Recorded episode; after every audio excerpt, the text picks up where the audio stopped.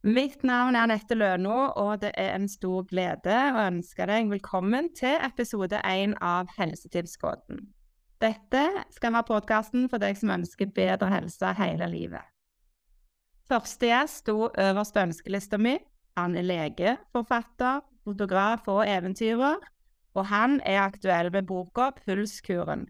Velkommen til Torkil Fære. Tusen takk, Anette hyggelig å være her og treffe deg og ha en um, hyggelig samtale som jeg har sett veldig fram til. Takk, og dette gleder jeg meg til. Så fortell litt, hva er pulskuren for noe?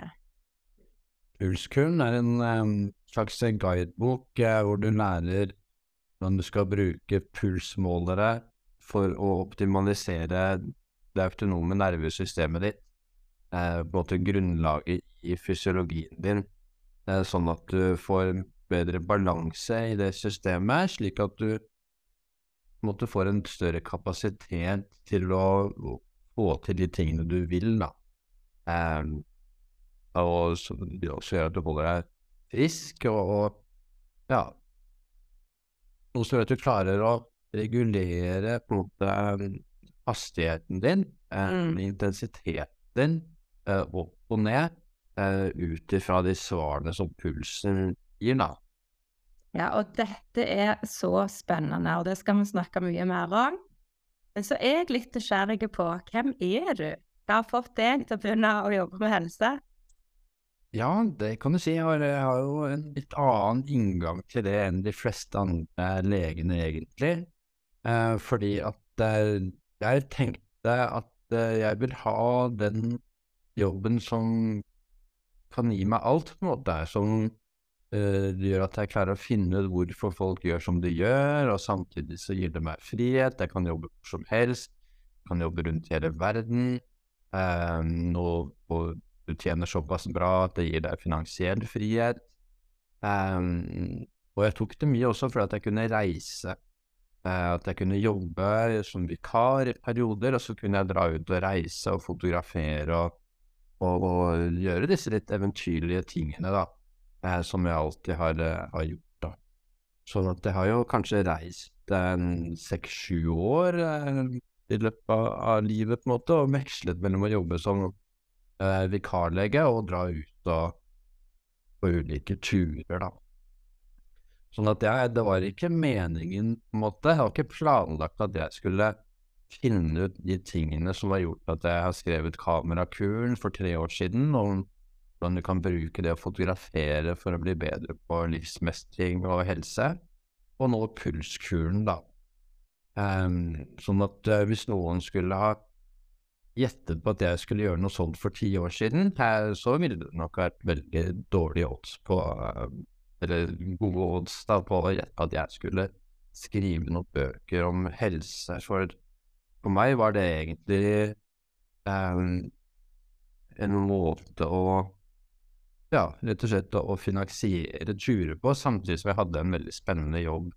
Uh, men etter hvert som jeg liksom hadde hatt uh, 800 000 konsultasjoner og sett uh, så hvordan folk slet med ulike ting, så følte jeg at jeg hadde lært noe som det var nesten en plikt å formidle, da. Selv om ikke det var fram til da hadde vært målet mitt. Da. Og der tenker jo jeg på det at det at du faktisk er utdannet til lege for å kunne reise verden rundt, det er det ikke så mange som gjør. Men det forteller jo litt den eventyren du er. Og ikke bare reiser du ut i verden, men du reiser jo egentlig litt på oppdagelsesferd inn i kroppen òg. Mm. Eh, og den oppdagelsen på hva er det som gjør at en uh, får helseplager, og òg undre deg over for å lære mer, og med den innsikten og kunnskapen du har fått nå, og ønsker å dele det med andre, dette er spennende, syns jeg. Mm. Ja, jeg syns det er spennende, og det er jo, som du sier, en slags oppdagelsesferd inn i nesten et helt uh, ukjent kontinent. Altså når du det autonome nervesystemet, som har vært totalt undervurdert gjennom hele utdannelsen og gjennom hele legekarrieren, så har det altså nesten aldri vært snakk til nervesystemet. Og Kanskje du kan forklare litt for de som ikke kan så mye, da. Hva er det autonome nervesystemet? autonome nervesystemet er det helt grunnleggende nervesystemet i kroppen vår, på- og av-systemet, som vi deler med eh, omtrent alle, alle virveldyr. Det har denne delen eh, som, som styrer våre indre organer, styrer eh, dette med å bli eh, oppmerksom, styrer dette med frykt, men også med interesse og og, og, og balansen mellom hvile og aktivitet, da. Det helt grunnleggende systemet som opererer under den bevisste radaren vår, eh, sånn at er, jeg er egentlig ikke oppmerksom på det før det systemet er såpass i ubalanse at vi blir eh, syke. Sånn at eh, det er nesten som om dette systemet er, er lagd for å ikke forstyrre de viktige sansene våre som retter seg utover, eh, som vi har hatt mest bruk for da, gjennom evolusjonen. Mm. Lytte og se og røre og smake, eh, det har vært prioritert. Og, og hva som foregår på en måte under panseret vårt, eh, det har måttet bli dempet for å få mer oppmerksomhet. Eh, utover da mot truslene som har vært utfra. Men i vår tid nå, med, som er såpass hektisk, såpass mye inntrykk, så mye travelhet, så kommer da helsetruslene innenfra. Er en ubalanse i dette systemet som gir en kronisk lavgradig betennelse, som i sin tur er grunnårsaken til nesten alle de sykdommene vi behandler i helsevesenet nå. Hva sykdommer tenker du det er da? Det er rent alt, faktisk. Eh, det gjelder autoimmune sykdommer, eh, det gjelder eh, kreft, det gjelder hjertesykdommer, det gjelder til og med sånne ting som infeksjonssykdommer, altså hvilken grad du er, har sovet godt eller er godt, god nok person, avgjør om du blir syk av, av, av forkjølelser og hvite sår som på en forsøk blir påført, hvor fort de gror. Mm. Um, slik at um, egentlig så er alle sykdommer i prinsippet livsstilssykdommer. Noen er jo direkte utløst av livsstilen. Altså, du, du får ikke eh, Altså, høyt blodtrykk, altså metabolsk syndrom, Mm. er jo veldig direkte avhengig av det. Men også andre sykdommer som, som kan andre årsaker, vil bli preget også eh, Forløpet av sykdommer også preges av livsstilen din, da. Selv om det kanskje ikke er den direkte årsak. Ja, og sånn som vi lever nå, er jo på et vis første gang vi har levd i menneskets historie. Mm. Og det er det som er interessant, at det da dukker opp sant, nyere sykdommer. Eh, og derfor så er det enormt viktig at denne kunnskapen eh, kommer fram. Og interessant også at du nevner at det var liksom ikke snakk så mye om det i medisin, medisinstudiet. Eh, og derav òg så viktig kunnskap du får ut med dette nå. For der har vi nå en mulighet til å skape endringer. Og det er jo helt tydelig at forskningen på det autonome nervesystemet, hjerterytmeabilitet, HRV, vagusnerven, viser jo til at vi kan gjøre mye sjøl. Kan gjøre masse selv. Vi har egentlig veldig kontroll over dette her eh, selv. Um, sånn at de sykdommene som vi slet med gjennom evolusjonen, hadde vi jo lite kontroll på. Mm. Det, det kunne være bakterier i vann, skader som oppstår under, under jakt og, og si, konkurranse med andre dyr og, og, og, og, og kriger osv. som preget eh, veldig. Det hadde vi lite kontroll over. Men, men inflammasjon, altså kronisk betennelse, som vi preges av nå, det har vi en ganske stor grad av kontroll. Og, og det som vi kan kontrollere, det som påvirker det, er jo de sentrale tingene i pulskuren, som er søvn, stress, bevegelse, kosthold, aktiv hvile. Det er også andre ting som, som, som samvær, berøring eh, og, og Det er også ting som, som så, Og disse tingene, når vi har balanse i de, så reduserer vi sjansen for å få disse livssykdommene veldig. Og om vi har fått den, så, så kan vi kontrollere symptomtrykket, på en måte, eh, hvis vi bedrer det. Og gjennom studiet, altså det var jo ikke snakk om altså eh, søvn, bevegelse, meditasjon, pusteteknikker, posthold, altså det Og så er det jo på et vis ganske banalt at det er ikke noe som har vært fokus på. For det at vi vet jo egentlig at det er viktig for oss. Og nå får vi det jo òg i stor grad bekrefta med veldig mye god forskning på det. Ja. Og første gang jeg eh, hørte stemmen din, var i en podkast med Anette Ragland i, um, i Leger om livet. Og da kjente jeg at dette her, dette må jeg lære mer om. Og i uh, min jobb så jobber vi mye med vagusbehandling. Og det at vi plutselig nå var snakk om at vi kan måle hvordan det autonome nervesystemet er, og hva individuelle målinger. Så det handler ikke bare om forskning som er på et generelt nivå, men hva som gjelder meg, og hva som gjelder deg, og de ulikhetene vi har òg. Det har vært utrolig spennende. Så jeg kontakta jo deg da kjapt og lurte på kan, kan jeg få være med på dette her. For du snakket jo om at du hadde en forskningsgruppe som holdt på å teste ut. Eh, og det fikk jeg jo lov å være med på. Hvordan har denne gruppa her fungert?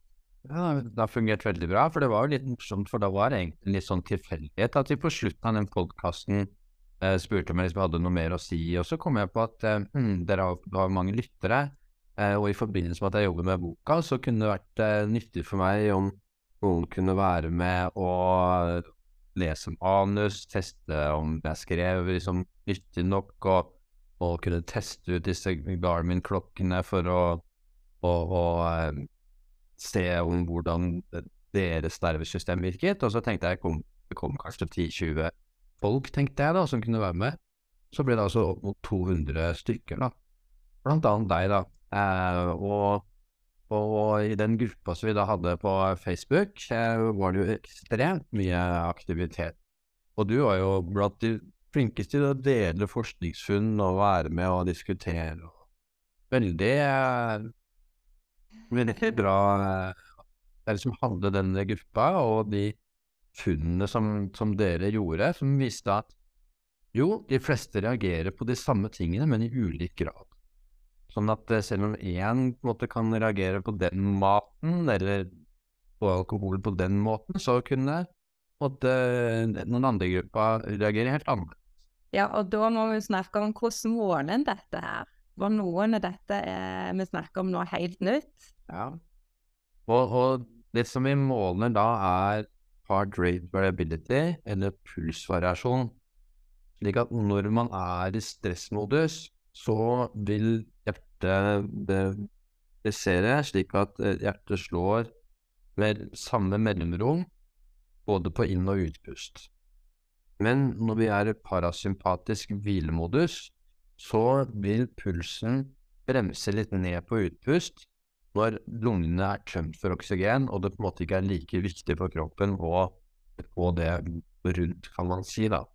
Og, og dermed så har man et mål på hvorvidt kroppen din er i stressmodus eller restitusjonsmodus. Og nå er da klokker og ringer ikke sant, Jeg går rundt her med Garmin-klokke på meg, jeg har operaring, jeg har gruppebånd, og jeg har brukt også andre året. Så som nå kan måle dette så nøyaktig og gi oss med, i apper på telefonen såpass godt svar at dette blir en slags fartsmåler for eh, fysiologien vår, eh, som gjør at vi klarer å se hva som stresser oss, hva som beroliger oss, og i hvilken grad. Um, sånn at det er nesten som i bilen, altså, hvor du har et dashbord på, på hvilke krefter har du disponibelt, hva tapper deg for krefter, hva gir deg krefter. Uh, det som er viktig med det også, er at da kan du bestemme hvordan skal du legge opp dagen. Hvilke krefter har jeg i dag? Kan jeg ta den harde treninga? Skal jeg, kan jeg gjøre denne anstrengende tingen? Eller må jeg bremse litt og, og justere fart? Nei, at det kanskje går litt. Um, sånn at um, og, og når jeg liksom skjønte at dette fins, så skjønte jeg umiddelbart potensialet i dette her, da. Uh, og så er det jo mange da som spør hva er, hva er de beste månedene, hva trenger jeg? Mm. For dette, her er det jo et innkjøp en må gjøre.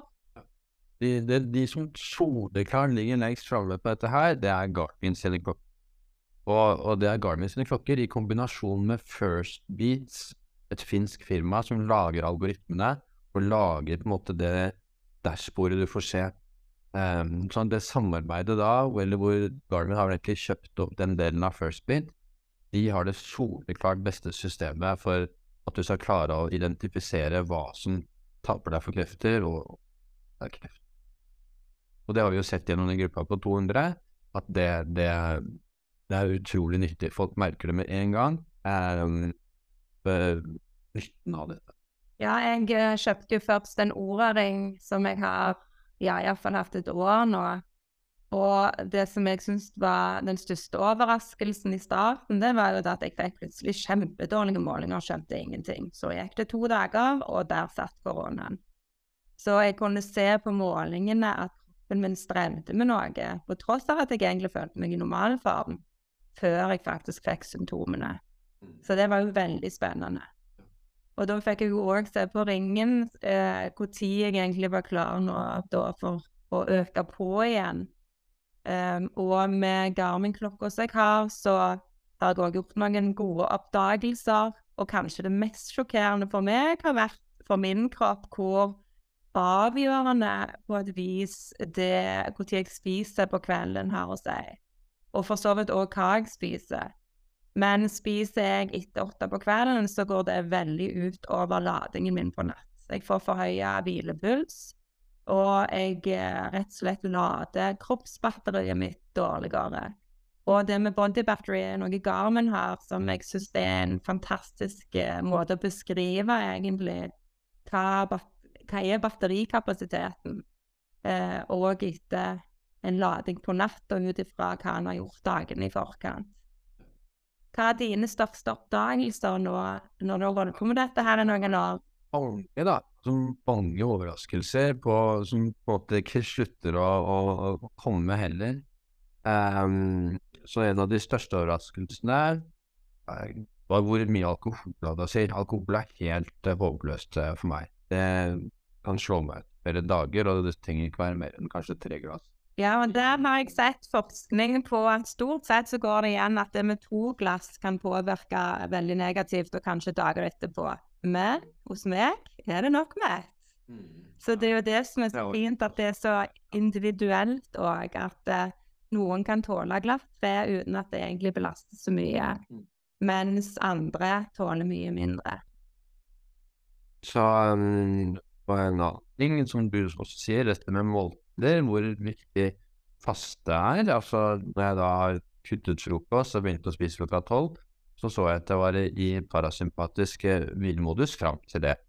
Uh, og kunne uh, mer, og som også du sier, det å spise avslutte siste mål tidligere. da. Så nå spiser jeg stort sett mellom tolv og seks, kanskje mellom elleve og sju. Uh, men holder meg stort sett innenfor det vinduet der, da. Det ser vi også, ikke sant, i boka til Marit Kolby osv. Så, videre. så kan vi nå Altså, det at vi kan holde det som hjelper. Altså, vi vet at boksøvn hjelper. Måltider, riktig mat, ikke sant, meditasjon. Nå kan vi altså måle det. Det er effekten av det. Og, og, og for meg virker også pusteteknikker bra. Eh, en annen i forsøksgruppa fungerte ikke meditasjon så bra, mens, mens Word, å spille Wordfeud, det var beroligende. ikke sant? Så det, du kan få noen overraskelser. så Det er ikke nødvendigvis sånn at selv om de fleste blir roligere av meditasjon, så kanskje ikke du blir det. Ikke sant? Og det finner du ut fordi at du og så er det klart Når det gjelder meditasjon, så er det veldig mye god forskning på at det er til nytte for HRV. Men hvis en har et høyaktivt nervesystem, så er den kontrasten fra å være i, i sjette giret og gå rett ned i park, den kan jo bidra til å skape uro, som igjen kan gi stress. Mm. Så da er det jo sånn som du sier, det med Wordfeud er noe annet som skaper en overgang inn til roen, kanskje nyttig. For der vet jeg mange som eh, følger meg på, på Instagram og sier det at ja, meditasjon, jeg blir så urolig, jeg kjenner smertene, eh, jeg får angst av det. Og der er jeg jo da også opptatt med at dere må ha en overgang i det, Gjør noe annet som roer deg. Mm. Og noen får gjerne mer påfyll av å gå på en fjelltur i høyt tempo mens andre syns det har stor gevinst av å legge seg ned og puste rolig. Mm. Så, og, og, det er jo heller ikke sikkert at jeg sier at du har hatt en travel dag på jobb, så drar du rett og, og mediterer en halvtime, da er det ikke sikkert at du har vært i hvilemodus. Det er ikke sånn at du da liksom kan Ok, check, da har vi gjort den, liksom, så da har vi den halvtimen i hvilemodus. Det er ikke sikkert. Det kan godt hende at det stresset fra dagen måtte overdøver eh, den potensielle effekten av meditasjon. Det er i hvert fall det jeg har funnet ut, da. Ja, og det òg at det er gjerne meditasjon over tid gir gevinst, men den ene halvtimen for seg sjøl, ikke det nok. Det er andre ting som er overrasket, det er jo kulde. Altså hvor kulde er med eh, nervesystemet. Og det viser jo også mer og mer forskning at eh, det å ha det kjølig, kalde bad osv. demper betennelse. Eh, og, og det ser jo vi da på målingene. Så den kron, det er altså en sammenheng mellom kronisk betennelse og pulsvariasjon. Sånn at um, en god pulsvariasjon tyder på at du har et lavt uh, betennelsesnivå i kroppen. Ja, og det er jo det med HRV er jo et parameter på vårt forsvar vi har mot sykdom og stress. Både mentalt og fysisk. Mm. Og der er det jo òg interessant å lese at HRV-tallene kan avdekke vår psykiske tilstand.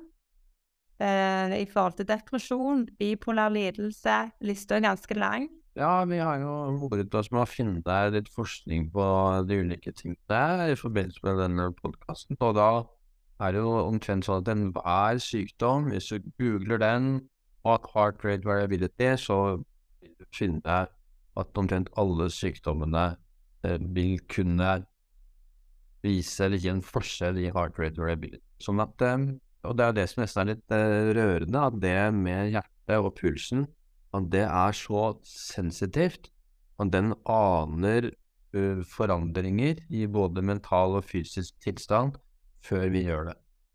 Sånn at, at hjertet og denne variasjonen da, på stressnivå og hvilemodus, den er veldig sensitiv, og at vi da kan få resultatene. Vi får det inn lett på en billig måte. Den er ikke Hva si, hva som man trenger ikke å stikkes eller gjøre noen dyre undersøkelser. Sånn at det at vi kan både på denne enkle måten med pulsmåler, er jo nesten for godt til å være sant, men så er det faktisk sant. Eh, så, og, og, at jeg på en måte Denne boka her altså jeg, I forbindelse med, med researchen til boka, så er jeg jo lett etter lignende bøker, og det fins ikke. Så dette er jo Pulskuren er faktisk, så vidt jeg og forlaget Cappelen Dam kjenner til, er den første denne type guidebok for hvordan du bruker pulsmålere for å regulere det autonome nervesystem. Og det er jo fantastisk at det skal komme fra Norge. Ja. Ja, ja. Og vil den bli oversatt til andre språk nå, lurer jeg på det. Jeg håper det. De jobber hardt for det inn i, i kabelen. For det er jo en viktig informasjon for å få ut til hele verden. Eh, og det er jo klart at de sykdommene vi snakker om, de er jo stadig økende i veldig mange land. Og så har jeg et håp nå med denne kunnskapen at det skal være et nyttig bidrag til folkehelsa for at vi skal ha et friskere samfunn. Og da er òg spørsmålet er leger med på dette her? Ja, altså det er en del leger som er med på dette her. Eh, Gjerne den yngre generasjonen. Absolutt. I den gruppa vi hadde på Facebook, og som nå har gått over til pulskuren.no, er, er det flere leger, og mange leger, som, som Nei. Og, og er veldig glad for at denne kunnskapen kommer ut. Da. For det som er så bra med dette, er at dette målet har noe å si med forebyggende helse. Sånn at de fleste målene vi forholder oss til som leger, er jo etter at uh, jeg håper si katastrofen har skjedd. Mm. Eh, mens her kan vi måle og se eh, ha et mål på forebyggende helse og risikoen for at noe skal komme til å skje.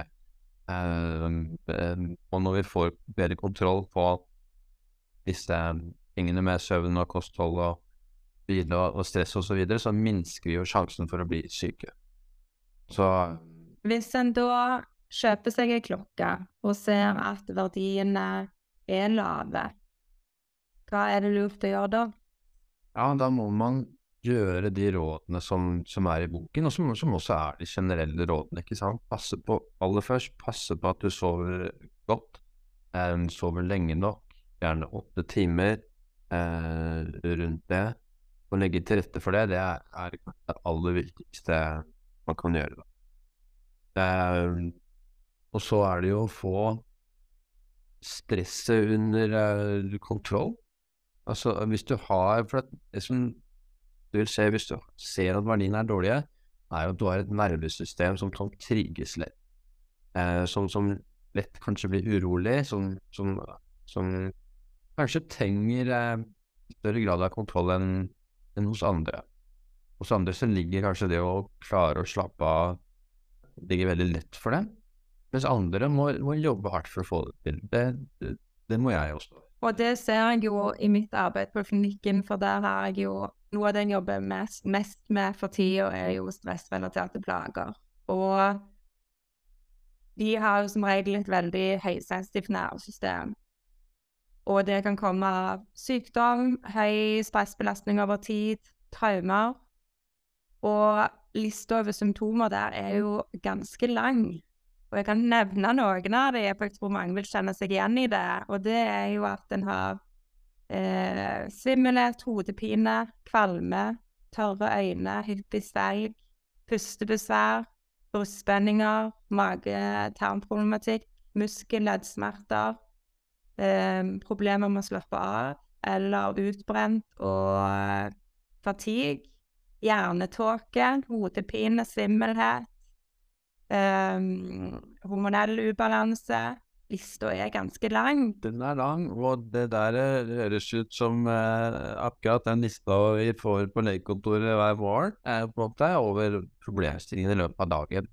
Um, sånn at uh, Og dette er på en måte manifestasjonene av den betennelsen. Sånn at vi kan si man spør er det fysisk eller psykisk, eh, men vi kan nok heller spørre oss er det fysiologisk.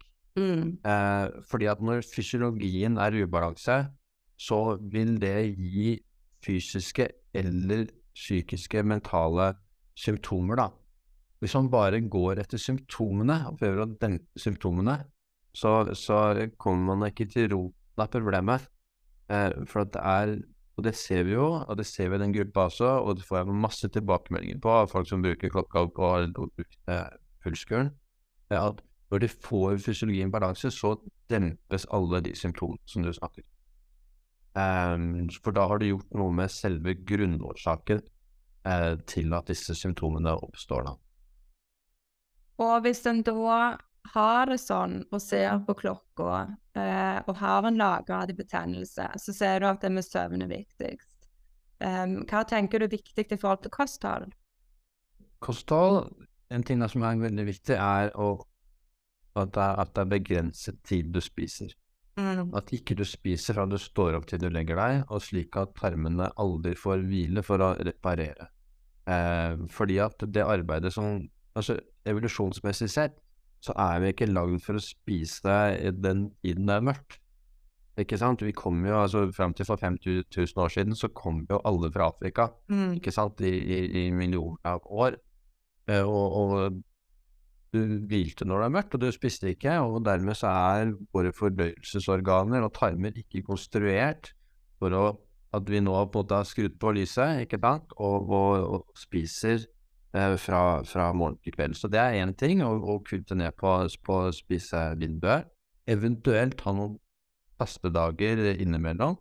Da snakker vi ikke nødvendigvis eh, fullstendig faste, men kanskje at man bare spiser 700 kalorier f.eks. den dagen, det er nok for å få kroppen over i fastemodus, som, som øker som heter autofagi.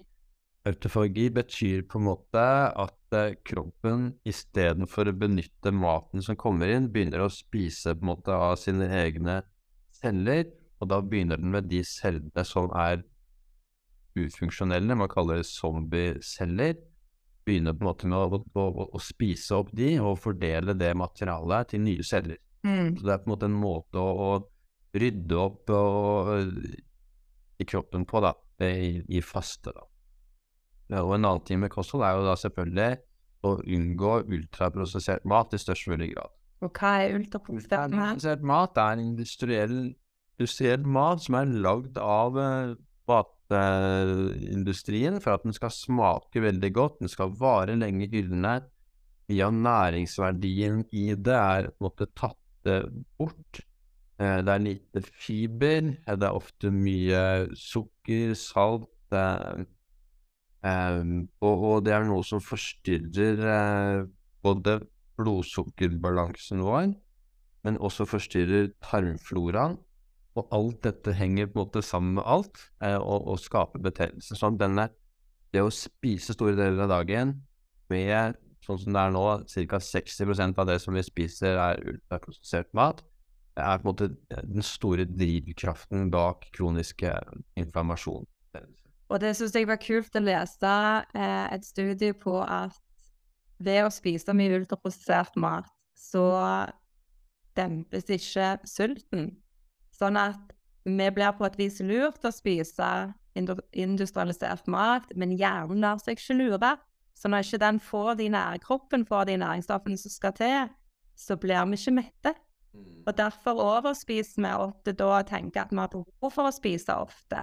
Ja, for det, de, på grunn av at det mangler fiber, som trekker på vann, og fordi at også de mangler vann også, så vil ikke kroppen oppfatte at den blir mett, på en måte. Den vil ikke skille ut grelin, som er det hormonet som gjør at du føler deg mett. Den uh, vil eh, Og dermed så hvis da i forsøk hvor folk kan velge Altså det gir Folk kan spise så mye de vil, så er det noen som spiser ultraprosessert mat, så er det noen som spiser på en da ikke ultraprosessert mat. Men det er de som spiser ultraprosessert mat, opp med å spise 500 kalorier mer om dagen. Eh, fordi ikke de kjenner på denne mettheten. At de spiser mer kilat? Og ultraprosessert mat er jo også en del av det er jo, er jo det de kaller for um, hyperpalatable. Altså det er, smaker så godt at du klarer ikke å stoppe. Ikke sant? Du åpner potetgullposen, og du før du vet ordet av det, så er, den tømt. Så det er lagd for at vi skal bli lurt til å spise mer, så noen skal tjene mer penger. Ikke sant? Du starter boksen, og så vips, så er den der. Ja. Det er jo sånn at eh, fordi at disse Altså matindustrien har lagd disse Komponert disse rettene, da. Eh, sånn at det skal gi maks trigging hos oss. Så at det, er, det, det fyrer dopaminsystemet vårt, da. Ja. Eh, på en måte. Så det der er Så da er det om å gjøre å spise mest mulig råvarer. Med mat vi kjenner. Ja. Råvarer, ikke sant. Dette er eh, som er sikkert er veldig kjent. Det er mat som uh, oldemor ville sendt igjen som mat. Ja. Før så har det sagt bestemor, men nå er jo tydeligvis Bestemor ville kanskje ikke sendt igjen, men, men man sier oldemor, da ja. Og så sa du det med væske, og det er jo òg viktig. Um, det å holde seg hydrert. mm. For det vil òg påvirke håret. Drikke nok. Ja. Ja. Eh, drikke nok, ja. Det er Whoop, eh, for eksempel, da. Eh, Den Whoop-bollen som jeg har, for øvrig en veldig god podkastserie. de uh, gir jo I Whoop så gir du tilbakemeldinger. Du krysser av på ting du har gjort den dagen, så han samler inn informasjon og kan gi et inntrykk av hva, hva som eh, tapper og, og, og restituerer. Da. Og da er hydrering er en av de viktigste tingene som du trenger for bra restitusjon. Mm. Eh, mens på motsatt side så vil eh, alkohol være det som tapper mest. Det er liksom nummer én. Så har du faktisk høydemeter som nummer to. Eh, Hvor høyt da er den snakka? det ser faktisk 1000 meter sånn norske fjellet på en måte ser ut til å, å Av det vi har funnet ut i, i gruppa og sånt ser ut til å påvirke. Er det da variasjonen fra høydemeterne, eh, eller vil de som bor på fjellet generelt kunne ha en dårlig på det? Nei, men de vil akklimatisere seg. Ja. I løpet av fire-fem dager så er de akklimatisert. Men, eh, men senest i går så snakket jeg med en som da hadde vært på Finse, ikke sant, det er vel 1200 meter. Da ser du at, at HRV-en liksom var, eh, var lav, var på 35 mot den første dagen, og så var den på 45 andre dagen. Når han kom ned igjen, så var det en slags hyperkompensasjon med over 60 i HRV. Ja. Ikke sant? Sånn at um, det er jo en grunn til at, eh, at folk drar på høydetrening og sånt. Det er jo så har konkurransen i lavlandet etterpå. Da har du um, Det er ikke en effekt av, i det der. Og hva viser forskning og erfaring av trening som er nyttig i forhold til det med å øke HRV. Så de som er veltrent, de har en god HRV gjerne. Ja. Så hvis du ser en HRV som er spesielt god, så er det stor sjanse for at det kommer av at det er godt trent, og, og det er ikke så rart, for at noe av det som viser seg å ha mest betydning for helse og livslengde, er jo god kondisjon. Mm. Um, så det vil jo gjøre at alle de oppgavene du gjør i løpet av en dag, så trenger eh, hjertet og kroppen anstrenge seg mindre for å sørge for den blodtilførselen. Ja, denne lille knyttnevestore muskelen vi har, ikke sant, skal dytte blod rundt i hele kroppen hele døgnet rundt. Ja. Eh, og det er klart at hvis den muskelen er svak fordi at du ikke du har trent den, Mm. eh, så, så jobber den jo i motbakke hele dagen og, og, og, og sliter med å, å få dette her. Så vi er nødt til å trene opp eh, hjertet og sirkulasjonssystemet, og det skal ikke så mye til. Um, sånn at ca. 150 minutter i uka, altså to og en halv time i uka med moderat intensitet, sånn som kanskje rask gange, at det blir litt andpusten um, ved gangen, det, det holder for, for det. Jeg har lest et studie òg bare på det å få opp pust og eh, puls tre ganger i uka. Og da er det snakk om kort tid, har en stor gevinst. Ja. Så det å aldri, aldri få opp pulsen eh, og bare være innenfor komforten, da, eh, og bare være i hvile, er jo heller ikke så bra. Nei, Vi har jo en slags eh, komfortkrise, eh, ikke sant, ved at vi er så komfortable. Eh, temperaturen er jevn, ikke sant. Eh, vi beveger oss eh, eh, på et komfortabelt nivå. Vi sitter mye. Eh, vi spiser akkurat når vi vil. Vi er liksom redde for å sulte, ikke sant. Og det gjør oss lite motstandsdyktige, da. Um, sånn at det som også kalles eh, altså dette her med å variere ikke sant, både mat, av og til så skal du være sulten, av og til mett, av og til så skal du bevege deg, ikke bevege deg, av og til så skal du pushe deg hardt, og så skal du hvile hardt, på en måte. Um, dette med å klare å opp- og nedregulere aktiviteten din fra de største prestasjonene til den dypeste hvile, på en måte, det at du har den spaken og klarer å kontrollere det selv, og ikke bare respondere på ytre omstendigheter. Altså, at ikke, du, at ikke du er stressa når det er stressa rundt deg, og så er det rolig når det er rolig rundt deg, men du klarer å bestemme dette her selv. Mm. Eh, selv om det er stressa rundt deg, så klarer du å, å være rolig. Ja, for det jeg ser er ytterpunkt i akkurat det du sier. For det, det som jeg får inn til behandling, annet, er jo de som er, har fatigue og er utbrente og hviler mye og klarer ikke å på en måte få opp. Og så er det de som er høygir, som aldri klarer å streve veldig med å roe ned. Får ikke sove og klarer ikke å slappe av, og hjernen og kroppen er på høygir ja, egentlig nesten hele døgnet. Ja.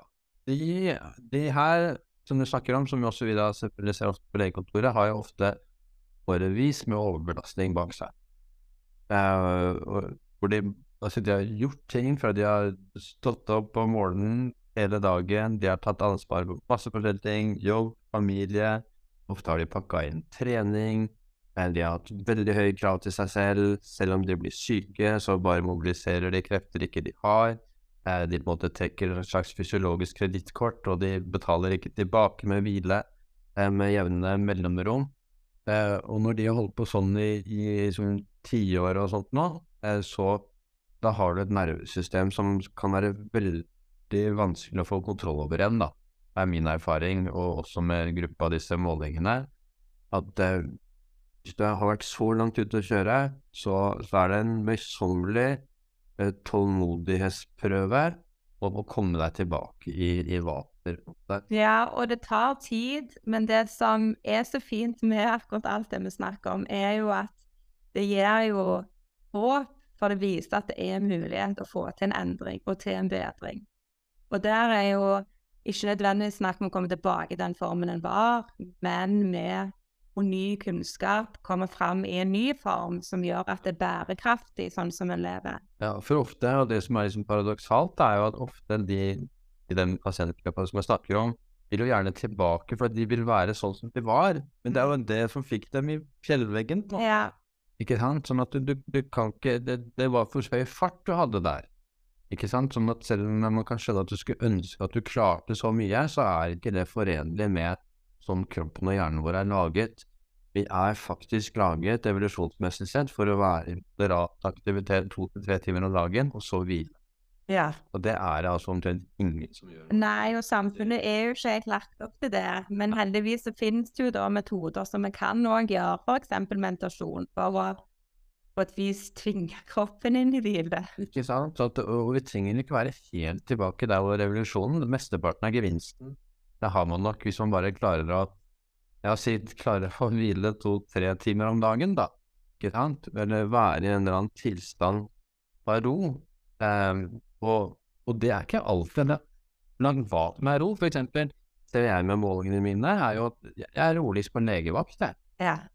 Selv om det er fullt av pasienter, sånn som i natt. Jeg har hatt eh, legevakt i natt og sovet Det er fullt av pasienter. Det er tre liksom sånn alvorlige kasus, selvmordstanker, rus er Mye folk, ikke sant. Du skal forholde deg til politi.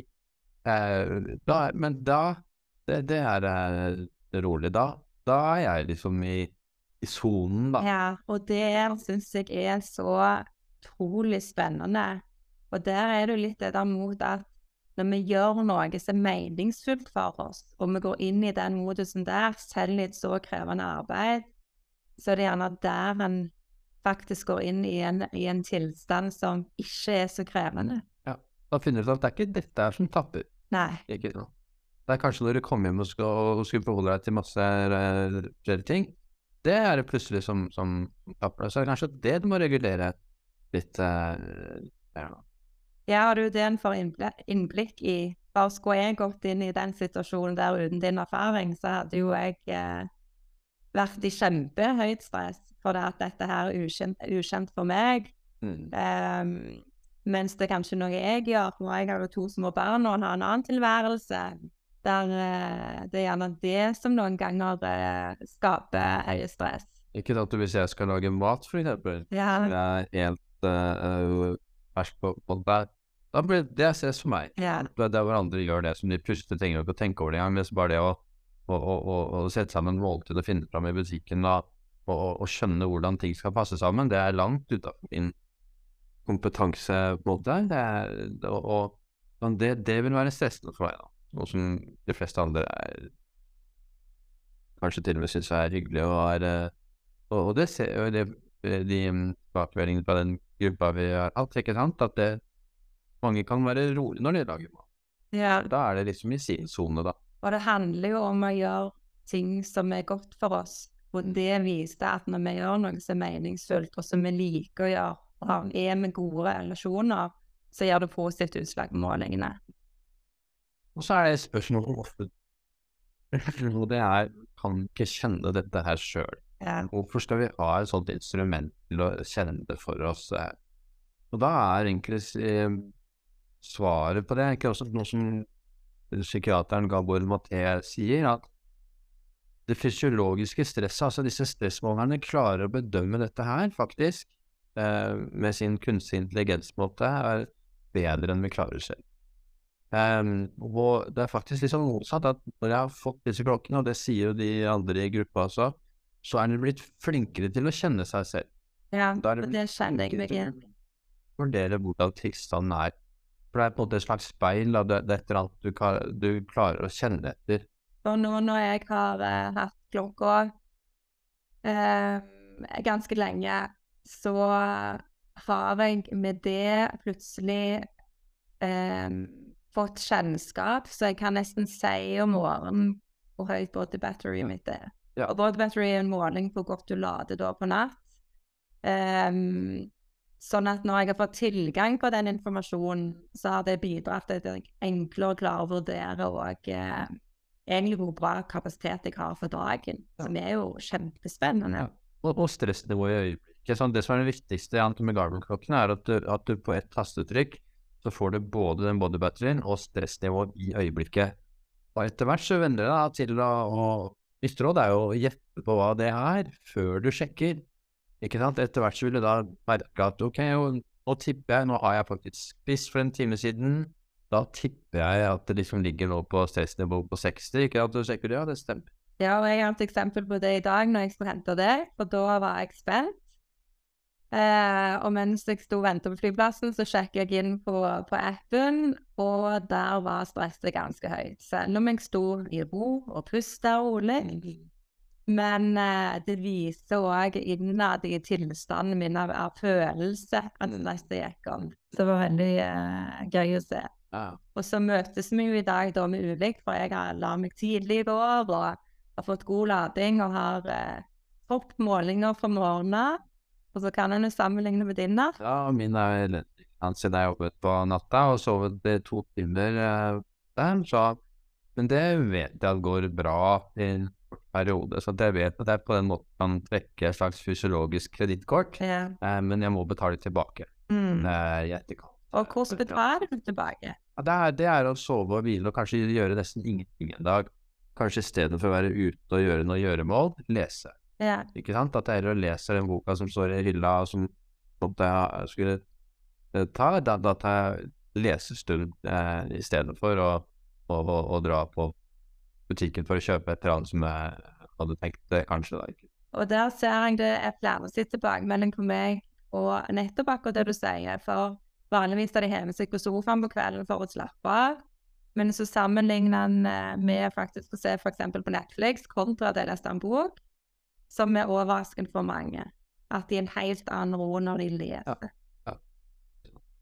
Og det kan jo skape større motivasjon for å lese, ikke sant. Sånn at for eksempel dette med isbading og kalde dusjer, som jeg har funnet ut fungerer kjempebra. Det er klart at når jeg ser det på klokka, så blir jeg jo mer motivert for å gjøre det. Det er Mm. egentlig bare ubehagelig, men når jeg både har, har lært om det, ser at dette her fungerer for å faktisk roe meg ned og, og, og skjerpe meg, og det kan vare liksom i flere timer, så blir jeg motivert for det. Og hva er det som gjør at den kuldeeksponeringen gir så bra utslag? Ja, det ser ut som om det er um, to det virker på. Det ene er kuldereseptorer i huden, det hele huden. Og så er det noen sånne trykkreseptorer i karotis, altså på siden av halsen. At hvis man tar sånne kalde dusjer, så er det viktig at man får, får det kalde vannet på halsen, faktisk. Um, Og Der så jeg òg et studie på vagusnerven med kalde omslag på utside nakke. Høyaktivere vagus. ja, for det er jo yeah. For det er jo det vi masserer også. Sånn at det, det er, det er som nerven, da. Dermed så virker det som man får egentlig en dobbeltaktivering. At du både aktiveres positivt, men også demper det. Så du får på en måte både energi og fokus da, Mm. ved, ved kulde. Og noe av det samme er noe av det man kan kalle faste. Ja. Så, så vi er veldig lagd for å være veksle mellom varme og, og ha det varmt og kaldt. Altså selv om vi kommer da fra Afrika, da, når vi tenker på fysiologien vår, så må vi ikke tenke liksom 10 000 år tilbake eller 15 000 år til, vi, må tenke liksom 50 000 og enda før det igjen. ja. Uh, og da kommer vi fra Afrika, og varmt på dagen og, og, og kaldt på natta, da, ikke at når ikke du har dyne og Og der leste jeg et studie på det at eh, så, jo ja, sånt alltid lært at det å ha kjøling på soverommet er nyttig. Men der er det studier som viser til at HV-en endrer seg ut ifra hvor varmt og kaldt en har på soverommet. Og det er også sett, ikke sant, at å, å, å sitte for eksempel på vinteren, sitte på bussen, og så er det at det er varmt på bussen, jakke på deg, da fyker stressnivået i været. Mm. At det er veldig temperaturavhengig, så at selv om varme da kjennes behagelig, selv om varm kjennes behagelig ut, så er det faktisk mer stress, fysiologisk, enn den kalde dusjen, som oppleves ubehag. Har du testa ut sånn innenfor uh, badstue? Nei. Nei. Og badstue eller varme i seg sjøl. Og der er det jo mange som opplever at det er veldig behagelig. Men jeg har brukt det på Hvis jeg bruker det på kvelden før legetid, så gjør det dårlig uttelling på natt. Men hvis jeg bruker det på dagtid, så går det fint. Så det er òg litt med tidspunktene gjør det på det. Jeg har prøvd sånn infralampe liksom bare på, på deler av kroppen. Og det er jo klart at eh, altså halvparten av solenergien, eller halvparten av det som sola eh, stråler ut, er infrarødt uh, lys. Og det er jo klart at organismer som har levd da på jorda som ikke sant, i milliarder år, eh, som vi stammer fra, da, ikke sant, eh, har jo de organismene som har klart å nyttiggjøre seg energien også i de eh, innenfor eh, delene av lyset har jo klart seg bedre enn andre. Og det viser seg jo da, ifølge Huberman, eh, Andrew Huberman eh, Love, at, eh, at eh, det øker mitokondrieaktiviteten i cellene våre. Og mitokondriene er jo kraftverkene til, til cellene våre. Så du, Mm. måtte, du, du både booster mitokondriene med det her lys, da. Men det er klart at hvis du gjør det da, sannsynligvis eh, på, på kvelden, og booster masse yeah. mitokondrier sent på kvelden, så, så har du gitt eh, kroppen en, en jobb å gjøre yeah. som den kanskje sliter med, ikke sant, og, og som vil ta litt utover dagen. ikke sant. Det kan jo hende at det har med disse døgnrytmecellene våre å gjøre, for vi er jo vi er ikke konsentrert for å få innført lys etter at sola er gått Nei. ikke sant? Eh, Så at vi ser jo mer og mer Og det er jo en annen ting som vi ikke lærte noe på studiet, altså hvilken grad døgnrytmen betyr mye for kroppen vår. Mm. Og da ser vi at det å jobbe natt, jobbe kveld, veksle i, i ja, leggetider osv. er jo virkelig dårlig for helsa. Sånn at eh, nattevaktsarbeid, det burde jo vært mye bedre kompensert enn det det er. Og det er jo ca. 20% av befolkningen som jobber slik skiftarbeid, og som er en stor påkjenning for uh, fysiologien. Og hvordan merker du, eller ser du på målingene da, når du jobber nattevakt kontra dagvakt? Ja, det er en dårlig, og det tar meg et par-tre dager kanskje å hente meg. Ja. Så eh, Men uh, ikke at jeg må jo ha inn penger. Ja. Sånn at eh, Og det som jeg syns er interessant òg, er jo at det er variasjon på HRV ut ifra hvor tid på året vi er. For der forsto jeg jo at vi har generelt lavere HRV på vinteren kontra sommeren. Og igjen er det spesifikt vi som bor her, som har den eh, Det årsaksen. gjelder jo spesielt der i nordlige områder, hvor det er så mye variasjon sola og mørke. Har du fått med deg noe informasjon på månedssyklusen med kvinner i forhold til Mm. HRV? Ja, og den på, på HRV er spesielt eh, gode, da. De har flere podkaster direkte retta mot eh, syklus. Eh, men da viser det seg jo da at det, det, det vanlige er at den perioden eh, etter eggløsning, eh, er det vel, og fram mot menstruasjon, det er en kjenning for det, det å bygge opp på en måte eh, gjøre hele kroppen klar for en mulig graviditet, eh, den jobben er en stor eh, belastning.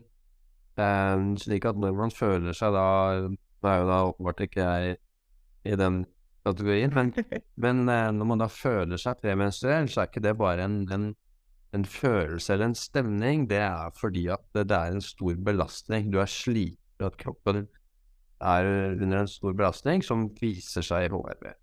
Og det vil mest sannsynlig variere, da, ikke sant, fra person til person, hvor stor den graden av belastning er. Ja. Eh, men det er i hvert fall noe å ta hensyn til når du skal regne ut kroppsbudsjettet ditt måte, den dagen. Det er hvor mye har du å gå på? Ikke sant? Skal du heller legge den treninga til en annen dag, eller droppe den, eh, slik at du kan tilpasse aktiviteten din etter de kreftene som du har disponert? Mm. Så, så der er det jo spesielt uh, nyttig, da. Ja, og menn, da? Har de noe variasjon i den grad? Nei, Ingen. det ikke. Nei. Og, og kvinner også på p-piller, ifølge Whoop, har ikke den variasjonen. Ikke sant? For at p-pillen er jo da kjenner kroppen til å, å ikke bli gravide, så de med p-piller vil ha en, en eh, variasjon som er mer lik som mens. Ja. Men så kan du samtidig ikke sant, ta bivirkninger og ubehag. Og, og, og det er også viktig å Det er mange som stiller spørsmål hvordan kan jeg ha ubehag når ikke det viser seg i HRV. Ikke sant? Men, men du kan godt ha ubehag og smerter, og det er ikke nødvendigvis knyttet til eh, en, en belastning i, um, i autonome nervesystemet. Da. Vi har mange andre deler av hjernen, sånn at pulsvariasjonen går på dette her som jeg kaller det indre levende fossilet vårt inni hodet, inni hjernen vår. For at evolusjonen da er sånn at når evolusjonen har funnet noe som fungerer, så bygger den bare på det. Ja. Det er liksom nesten som å bygge en sånn eh, trehytte, på en måte, og så, og så bygger du det mer avansert eh, etter hvert. Sånn at denne grunnleggende delen av nervesystemet vårt, denne som vi kaller reptilhjernen, eh, som er sånn grovt eh, sagt, kan du si, da, men, men eh, det, det, kaller jeg det indre levende fossilet. Altså vi, vi deler med, med gamle vesener, ikke sant. Og det er derfor vi kan forske på rotter, ikke sant. Som vi delte oss fra på 65 millioner år siden, eller jeg tror, jeg tror kanskje det var 100 millioner år siden. Vi delte oss evolusjonsmessig fra rotter, ikke sant. Er et eller annet sted tilbake så har jo vi begge rotteforfedre. Før vi, før vi jo. Ikke sant. Og det, dette levende fossilet ta hensyn til, da. Det ligger liksom skjult nederst i hjernen vår, men men det er det som gjør at vi, at vi kan eh, snuble, da. Det har vært interessant for meg. Når jeg fikk ringen, så har jeg jo migrene, så jeg var nysgjerrig på hvordan ser disse målingene ut når jeg har anfall. Og jeg har en følelse av at nervesystemet mitt på en måte står og hyler. Men det som har vært interessant å se, er jo at det ikke gjør det. Mm. Og da kan man jo lure på, ikke sant, er, er det et signal? Fordi at når du har migreneanfall, så vil jeg tro at du er veldig rolig. Du ligger der kanskje i et mørkt rom, du, er, du, du ligger så stille du kan, demper inntrykk. Kanskje er det grunnen til at HRV-en er bedre, eller kanskje er det kroppens egne endorfiner som skilles ut, altså egne sånne oider, sånne morfinlignende eh, som, som, kroppen selv skiller ut for å prøve å dempe det. Eller kan det, det også være at de smertene er et signal til kroppen å tre inn i et vedlikeholdsmodus for å reparere noe. Ja.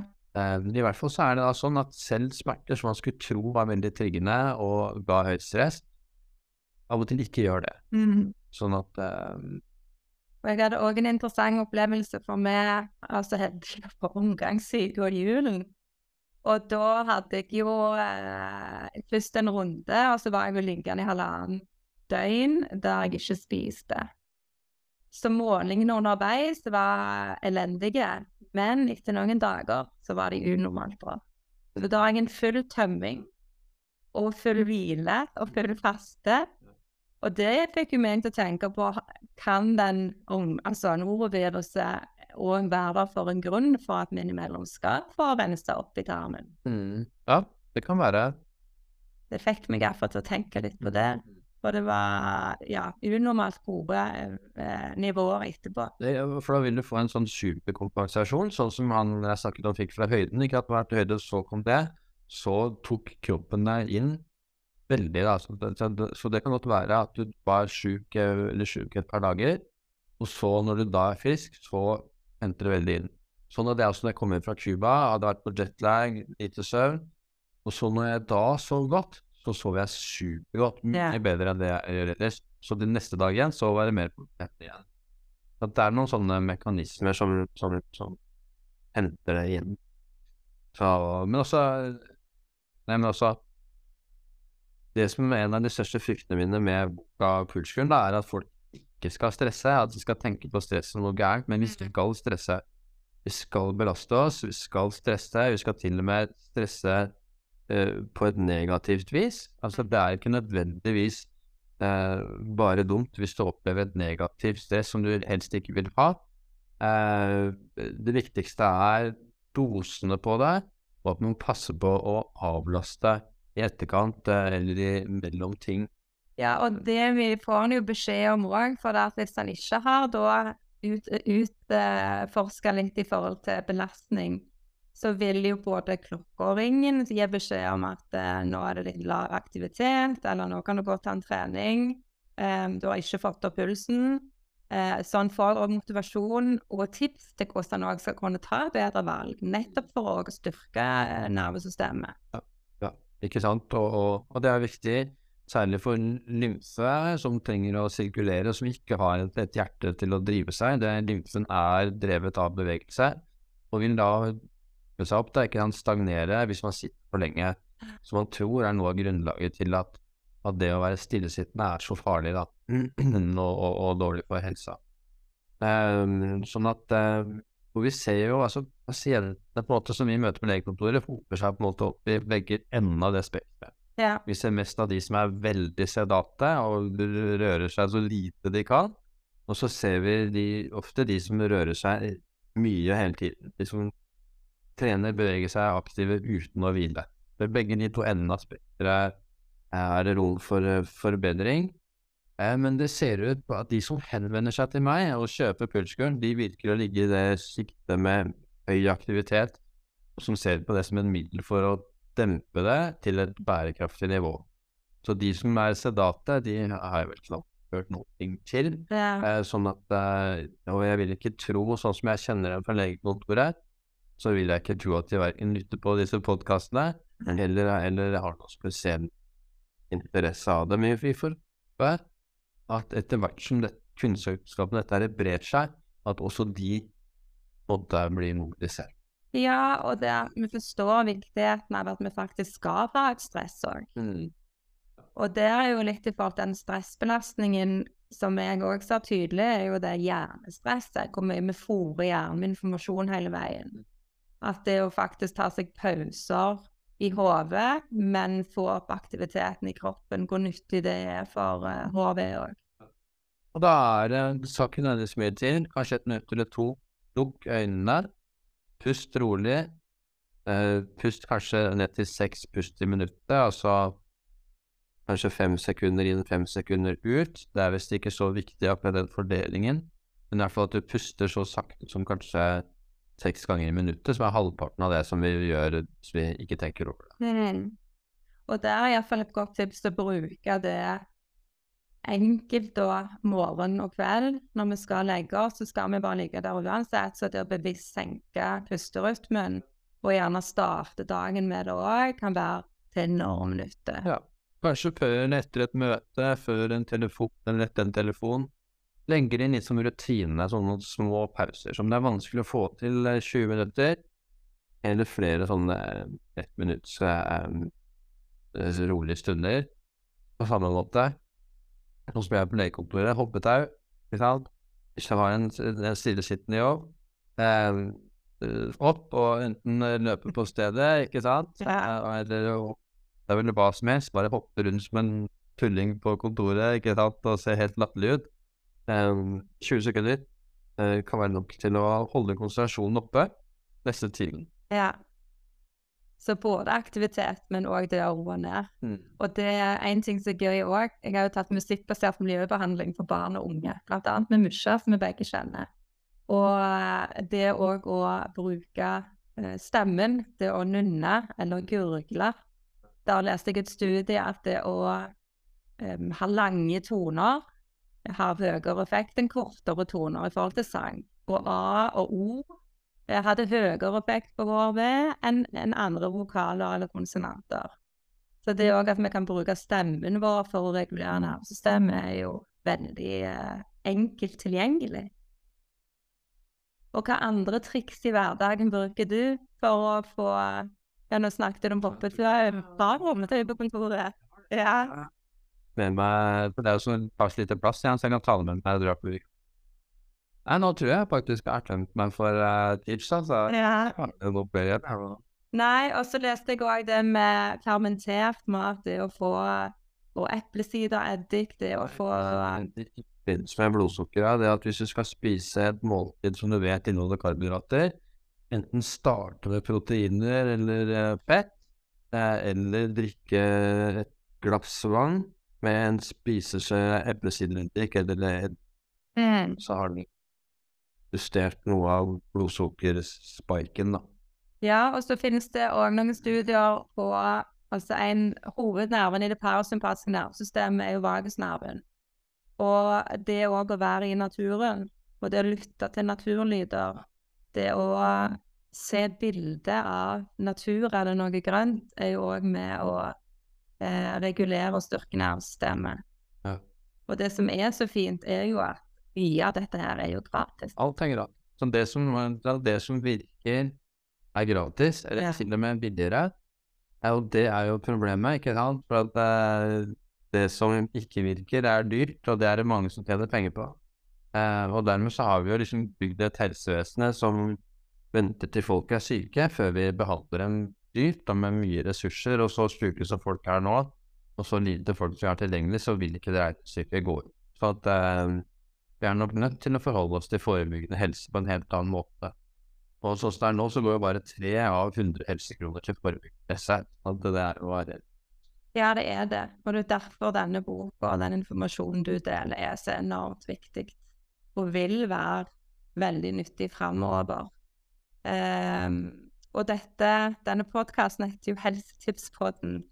Og nå er det jo blitt levert veldig mange gode helsetips. Og hvis eh, en ønsker da å lære mer om dette, hva skal en gjøre da, utenom å selvfølgelig kjøpe boka? Jeg på pulsstream.no, der er vi over 500 stykker. Altså vi var jo sikkert den, den gruppa. Nå er vi godt over 500 her, som dere kurver, stiller spørsmål, vi har webinarer, kurs, blogger. Eh, folk kan holde Sånn som du kan holde webinarer, ikke sant, inne i, i gruppa der. Eh, og så blir et slags sånn senter for hvordan du kan bruke, bruke dette verktøyet her eh, for å måle deg til en bedre helse. Det er Så hvis du skulle delt tre helsetips, hva ville du da tatt med? Det er Ja, so sove godt. Og det viktigste for det er å sove regelmessig tidlig, og så roe ned siste timen du sover. Ha det helt mørkt og kjølig på soverommet. Eh, og så spise. Unngå prosessert mat så godt du kan. Spis mat som oldemor ville kjent igjen, til en begrenset tid av dagen. Eh, gjerne faste eh, innimellom. Og så er det å bevege seg i riktig dose. Eh, en halvtime tre dager i uka, rask gange. Eh, men i tillegg også bygge noen muskler eh, med litt pushups, med litt knebøy, litt situps. Med de tre øvelsene så har du dekket mange muskler, mm. og da trenger du ikke, er min erfaring, mer enn kanskje ett minutt dagen på, på det. Tar du, tar du 20 pushups, 20 situps, 20 knebøy, så har du vaksinert deg mot muskelsvinn. Mm. Eh, som er, er, et stort problem, og særlig jo eldre de blir, da. Så da tenker jeg over de tre. Ja, skikkelig gode råd. Og så vil jeg takke deg for at uh, du hadde lyst til å være gjest i Helsetipspodden. Mm, det var en ære. Tusen takk for at du uh, inviterte meg til det. Og så gleder jeg meg til å følge med videre, og så er jeg spent på hva neste bok kommer til å hete da. Så det vil jo fremtiden vise. Men jeg ser du tenker noe, så er det noe på gang allerede? Nei, jeg, jeg tenker jeg har lagd filmer om pilegrimsvandring. Ja. Så da å lage langvandring, komme seg langt av det livet du lever til vanlig, for å gå i en måned ikke sant, mot et bestemt mål, og gjerne med andre vandrere, ikke sant, for det er jo populært eh, nå, eh, at det er en måte å endre seg på, da mm. eh, som er effektiv. For jeg har gått til Santiago, jeg har gått til Nidaros, jeg har gått til Roma. Eh, at eh, det, det, kan være at den det kan jeg tenke meg å lage. Ja, og noen ganger er det jo litt vanskelig å hele seg å få til endring i de omgivelsene vi ble syke i. Så det å få et sånn type arbeid tror jeg for mange vil være kjempenyttig. Det kunne jeg òg tenkt meg. Ja, ja. Man kan faktisk, den, den filmen vi lagde av Ghost i Trondheim, vil man finne på nettet. Hvis man søker veien til Nidaros på YouTube, så vil du kunne finne en sånn 45 minutter som ble sendt på NRK, men som nå finnes der. da. Ja, den vil jeg se. Så vil jeg si takk for at du lytta, Og så håper jeg at du lager deg en fin dag. Ha det bra. Ha det bra.